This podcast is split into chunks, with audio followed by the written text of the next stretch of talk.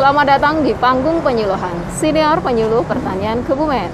Sahabat Tani, pada kesempatan kita kali ini kami sudah kedatangan tamu dari uh, Dinas Ketahanan Pangan Provinsi Jawa Tengah. Beliau adalah Kepala Dinas Ketahanan Pangan Provinsi Jawa Tengah, Bapak Insinyur Agus Waryanto, SIPM.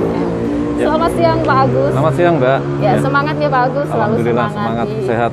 Di masa pandemi seperti ya. sekarang ini kita harus tetap semangat. Ya, ya. ya, sahabat tani tidak lupa saya mengingatkan kepada sahabat tani semua bahwa kita harus tetap menerapkan protokol kesehatan yaitu 3M. Yang pertama memakai masker, kedua mencuci tangan dengan sabun, dan yang ketiga adalah menjaga jarak. Dan Pak Agus sepertinya kita sudah uh, jaraknya lebih dari satu meter. Gimana nih kalau ngobrolnya biar lebih asik lagi? Kalau ada kesepakatan kita bisa lepas maskernya. Ya boleh. Ya, boleh ya? Ya, ya Oke. Okay. Ya, ya. Kita lepas pas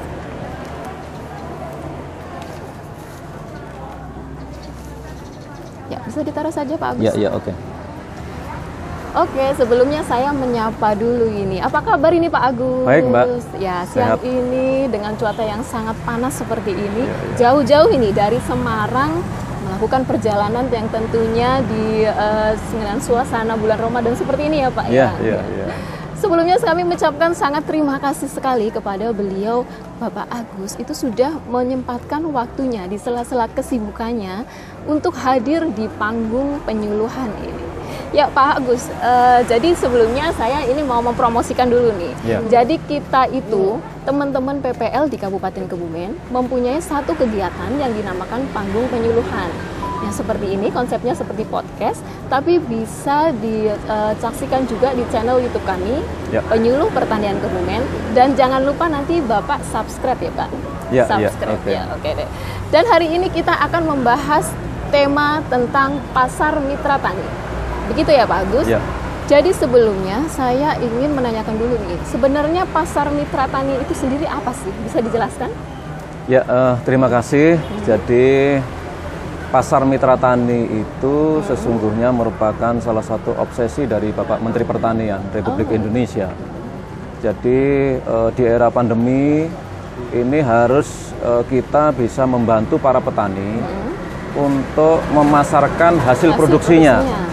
Jadi karena adanya pembatasan-pembatasan ini petani setelah menghasilkan kadang-kadang yang beli eh, sulit tidak ada. Oh. Nah, kemudian konsumen, hmm. para pembeli ini juga uh, apa ya uh, adanya pembatasan-pembatasan ini agak sulit untuk mendapatkan uh, bagaimana produksi yang dikehendaki sehingga konsepnya adalah mempertemukan antara ya. produsen para petani kita ya. supaya bisa menjual hasilnya kemudian hmm. para konsumen juga meng, uh, bisa mendapatkan barang yang sesuai dengan uh, apa ya keinginannya. keinginannya. Jadi uh, ini juga merupakan salah satu bagaimana upaya di dalam rangka stabilitasi uh, pasokan dan harga komoditas. Harga Nah, saya kira itu. Ya. Uh, kemudian memang uh, ada dua, jadi hmm. uh, kalau di tingkat nasional itu pasar mitra tani itu menyatu dengan toko mitra tani. Oh beda lagi tuh ya? Uh, ya kalau di nasional ini satu karena satu ruangan, ya. kemudian di situ uh, ada uh, apa namanya ada pasarnya, kemudian hmm. di dalamnya ada ada kotak-kotak untuk kasihnya dengan tokonya. Toko Kalau di sini ini memang lokasinya ada di Kebumen ini adalah di uh, apa ya istilahnya gudang cadangan pangan, gudang cadangan pangan. Kabupaten Kebumen. Jadi uh, yang pasar mitra tani adalah di dalam gudang, Gudangnya. kemudian juga dibangun juga toko mitra tani, center yang ada di luar. Ya. Tapi ini kedua-duanya merupakan satu kesatuan. Yang pasar mitra tani ini adalah lebih banyak kepada uh, apa ya offline. Jadi bertemunya. Hmm Kemudian juga nanti ke depan bisa online. Tetapi kalau ini biasanya lebih berkala. Jadi misalnya kalau hari ini itu baru satu bulan sekali, tadi Pak Kepala Dinas uh, Pertanian dan uh, Tanah Pangan Kabupaten Kebumen ini menginginkan kalau bisa dua minggu sekali. sekali. Tapi kalau di Provinsi Jawa Tengah di Dinas Ketahanan Pangan itu sudah satu minggu tiga kali. Setiap hari Senin, kemudian hari Rabu, hari Jumat. Waktunya itu jam 7 pagi sampai jam 10 Nah ini sudah tiga kali. Ternyata momentumnya anu cukup lumayan, cukup penggemarnya cukup lumayan sehingga itu yang kita layani. Gitu. Oke. Uh, Ya. Sepertinya tadi penjelasannya sudah cukup jelas. Padahal ini saya mau banyak nanya sekali nih Ya, Pak. ya. Ya. Jadi tadi tentang pasar tani, pasar mitra tani Ya. dan toko mitra tani gitu. Ya, Terus ya. sebenarnya itu adalah satu kesatuan ya Pak ya. Ya. Dan itu programnya dari sebenarnya tingkat nasional. ya? tingkat nasional. Nah, tidak tidak cuma hanya di Jawa Tengah saja. Ya, ya. Dan ini kesempatan kali ini eh, beliau Bapak Kepala Dinas Ketahanan Pangan Provinsi Jawa Tengah menghadiri pasar tani di Kabupaten Kebumen. Ya. Nah, ini untuk di Kabupaten Kebumen sendiri memang baru di launching hari kemarin ya Pak ya. Ya. Dan hari ini adalah hari yang kedua. Ya. Dan eh, untuk kesempatan kali ini yang pertama diselenggarakan hanya dua hari saja. Ya. Dan eh, harapan Bapak nih untuk Ya. Kebumen, untuk eh, Kabupaten Ya. Kebumen itu gimana nih? Apakah harus berkelanjutan atau tetap dua hari atau gimana ini? Ya, ya. Ya tergantung dari anu ya, dari eh, tata kelolanya. Oh gitu. Jadi tata kelola ini otomatis, oh kalau seperti ini setelah dievaluasi kita berani Pak. Misalnya apalagi kalau di, di, di, di Kabupaten Kebumen itu yang hebat itu para penyuluhnya. Penyuluhnya. Jadi penyuluh sudah eh, terlibat langsung, Ya. sudah terlibat langsung, sehingga ini juga merupakan arena bagi para penyuluh untuk mengevaluasi apakah eh, hasil binaannya para kelompok Kelompok tani, tani, para petani itu ya. Bisa ditampilkan. Ternyata bisa. Ini kan luar biasa. Tidak ada di kabupaten lain Oh, gitu. atau kota lain. Eh, sehingga eh, mengenai eh, berapa frekuensi pe- apa namanya penyelenggaraannya Hmm. itu tergantung dari kesiapan sini. Kalau memang itu dibutuhkan, kenapa tidak? Oh, Karena karena eh, di sini juga ada penerapan eh, protokol kesehatan. kesehatan. Sehingga eh, para eh, konsumen itu biasanya ibu-ibu itu kalau di pasar tradisional itu belum diterapkan protokol kan lebih enak belanjanya di Pasar di sini. sini, Iya. ya. Jadi eh, di samping menghasilkan produk eh, membelanjakan khusus langsung kepada petani tetapi juga jaga kesehatannya lebih terjamin di sini. Kecuali kalau eh, ini ini ini kadang pilihan ya, pilihan. Saya kira ini merupakan ajang yang luar biasa. Pak Agus, hari ini kan Pak Agus sedang berkesempatan untuk menghadiri Ya. pasar mitra tani yang eh, bekerja sama dengan gelar hasil bumi kegiatan dari PPL Kebumen ini di Kabupaten Kebumen. Nah, gimana nih menurut Pak Agus adakah eh, kesan atau pesannya untuk pasar mitra kami di Kabupaten Kebumen? Ya, jadi eh, saya sudah berkeliling tadi eh, didampingi oleh Bapak Kepala Dinas, kemudian koordinator penyuluh yang ada di Kabupaten Kebumen. Saya kira produk-produk yang dihasilkan ini eh, sudah apa ya, ini representatif.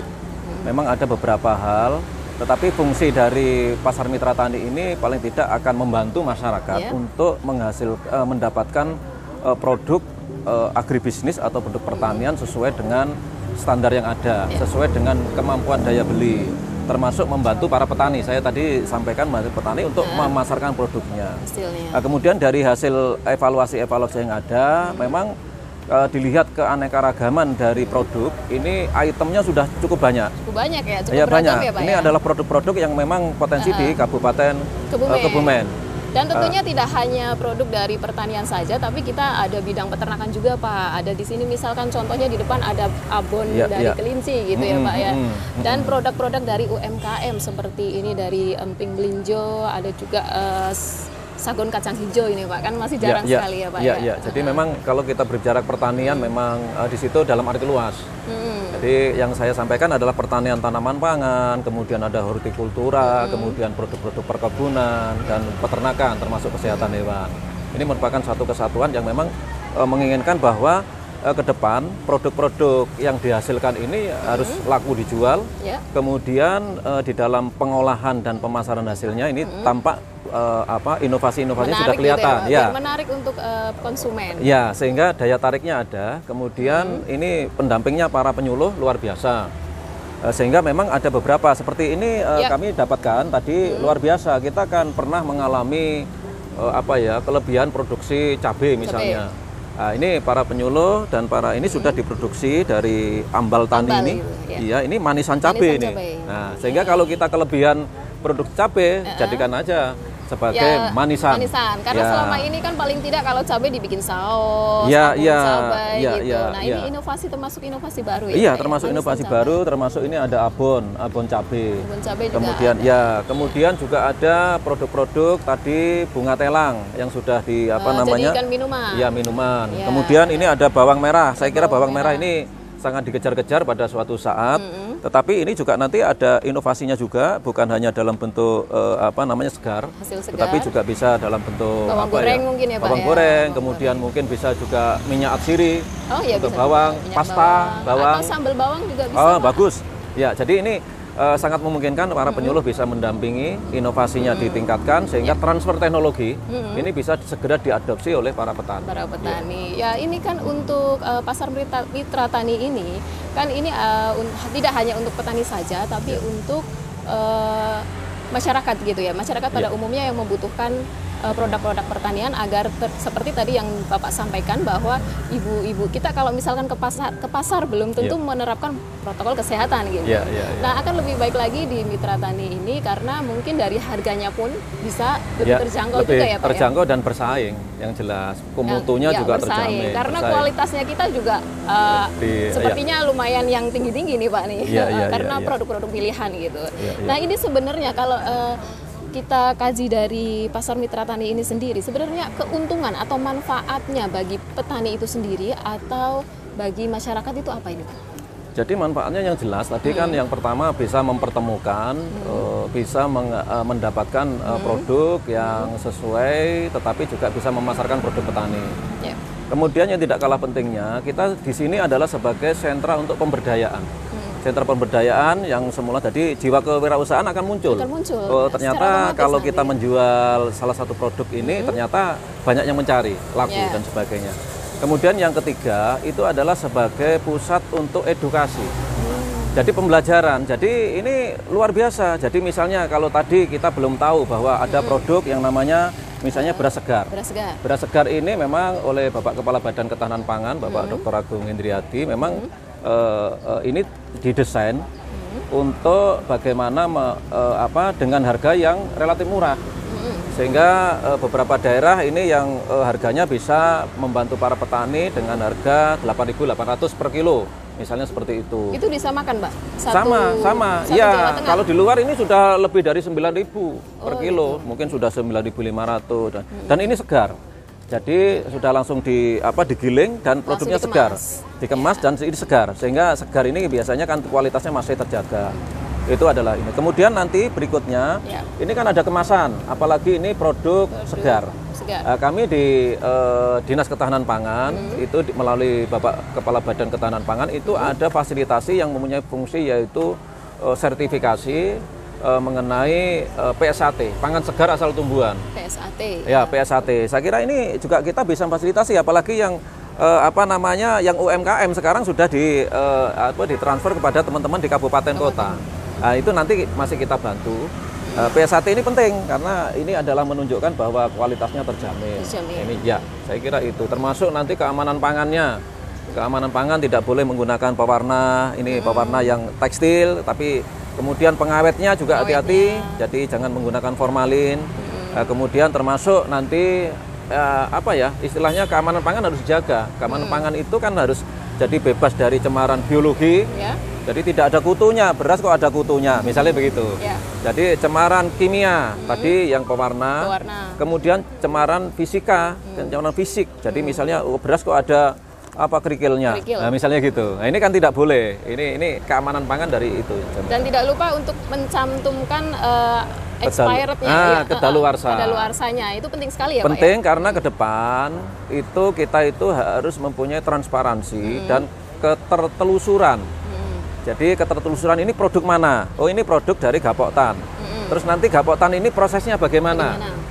Di mulai dari eh, di lahan sampai kepada proses pengolahan. Ini semua ditelusur supaya apa? Konsumen bisa terlindungi. Tetapi produsen juga memperbaiki proses untuk menghasilkan eh, apa namanya produk yang berkualitas. Karena Ya. perlindungan konsumen itu sangat diutamakan ya Pak. Menjadi begitu penting, ya, ya, jadi ya. penting. Ya kemudian pertanyaan selanjutnya nih Pak, ini gimana nih harapannya Bapak ke depan tentang pasar mitra tani di Jawa Tengah mungkin ya Bapak, karena Ya. Bapak Kepala Dinas di Ketahanan Pangan Provinsi Jateng. Ya, terima kasih. Jadi eh, harapan kita itu kan eh, bagaimana pasar mitra tani, termasuk toko mitra tani ini berkembang. Ya. Karena manfaatnya sudah luar biasa. Jadi misalnya tadi ada berbagai manfaat, termasuk eh, edukasi. Bagaimana peran penyuluh untuk mentransfer teknologi ini bisa di sini, hasilnya nyata. Kemudian di samping itu suatu saat ini juga bisa menjadi objek wisata gitu Hmm, loh. wisata Jadi sambil ya, Pak, ya? iya Ya. wisata edukasi. Jadi agro edu wisata. Sambil kita berbelanja, Ya. sambil kita menyiapkan eh, bagaimana ada atraksi-atraksi yang menarik, misalnya seperti itu. Ya lokasinya bisa tidak hanya di sini. Seperti lokasi ini kalau sekarang di gudang tidak harus di dalam gudang, Ya, nanti pengap bisa lama-lama. outdoor gitu ya, bisa di Pak? outdoor nggak apa-apa, tapi Ya. ditata. Jadi kalau panas ya dicarikan yang teduh atau syukur dikasihkan pelindung. Nanti jam berapa selesai dan sebagainya. Jadi harapannya ini bisa berkembang karena buka- eh, beberapa kabupaten sudah mulai, kalau di provinsi sudah sudah memulai beberapa kabupaten kemarin yang eh, sudah mulai Kabupaten Semarang misalnya. Kemudian kalau Kabupaten Pekalongan ini eh, sudah berkembang, sudah sudah bagus, tinggal meningkatkan eh, frekuensinya. Sukoharjo juga itu di halaman kantor eh, bupati itu dilaksanakan itu setiap hari Jumat pagi.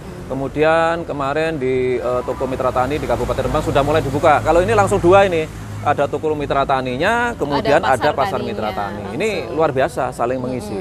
Ya, Dan ya. ini merupakan eh, kerjasama dengan teman-teman PPL itu di kita punya kegiatan yang namanya gelar hasil bumi kebumen gitu. Oh, ya, Jadi ya, ini kita- luar biasa. Kita jadikan satu. Pak. Luar biasa. Justru kami meng- mengharapkan Bapak Kepala Badan Ketahanan Pangan itu bagaimana PPL juga ikut mengkomunikasikan, ikut menyuluhkan tidak hanya kepada produk segar, tetapi beliau termasuk Pak Menteri Pertanian itu kita harus mengurangi konsumsi beras.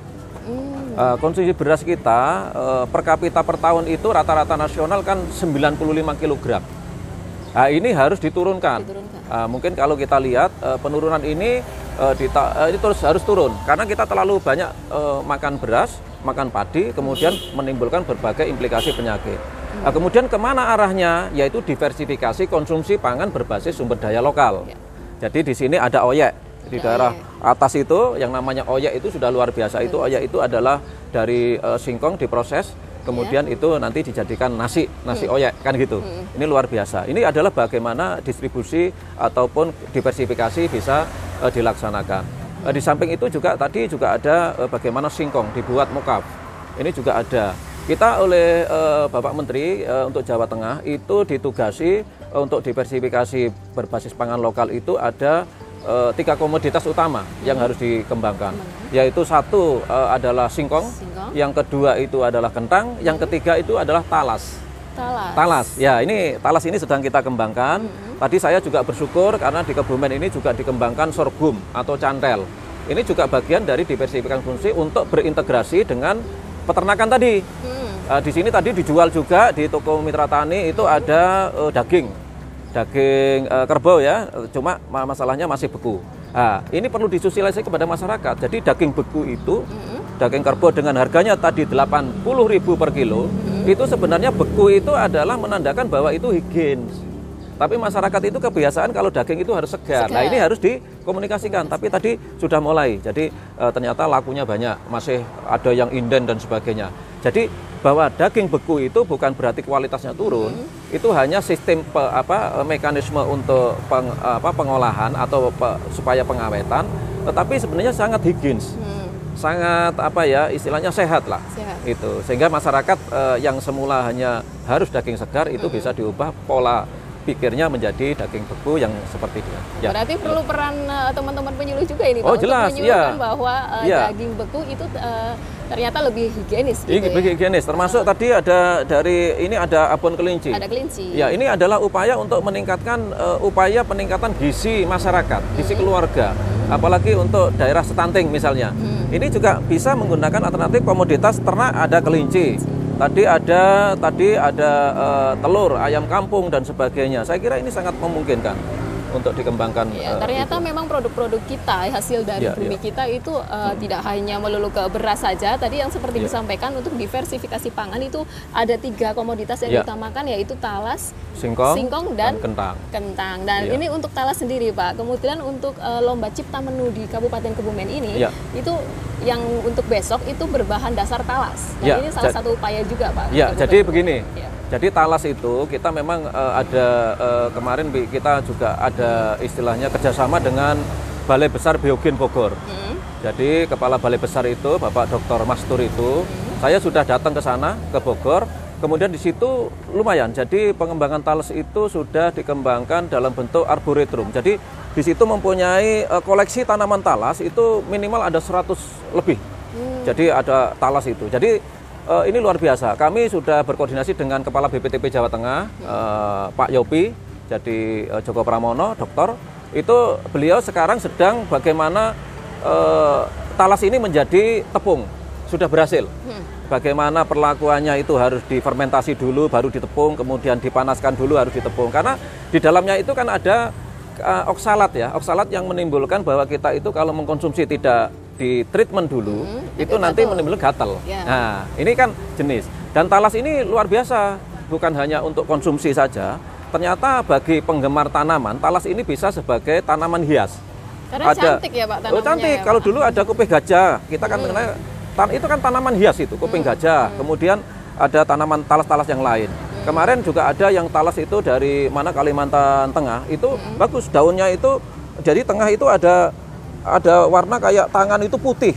Hmm. Tapi talas. Jadi bisa untuk tanaman hias, misalnya hmm. seperti itu. Kemudian e, kalau e, talas bening itu e, kemarin itu adalah bisa daunnya bisa dicacah, bisa menjadi e, tembakau herbal. Itu sudah ada semua dan itu yang melaksanakan milenial kemudian nanti penyuluh harus mendampingi kemudian inovasinya harus dikembangkan melalui apa namanya teknologi dan inovasi yang ada ternyata dari satu tanaman aja kemudian bisa muncul inovasi-inovasi baru gitu ya Pak ya. Ya, ya oke uh, Pak Agus, ini gimana nih untuk pertanyaan terakhir, gimana ya. nih pesan dan kesan Bapak Agus sendiri untuk hadir di Pasar Mitra Tani Kebumen atau mungkin ada closing statement dari Pak Agus? Silahkan.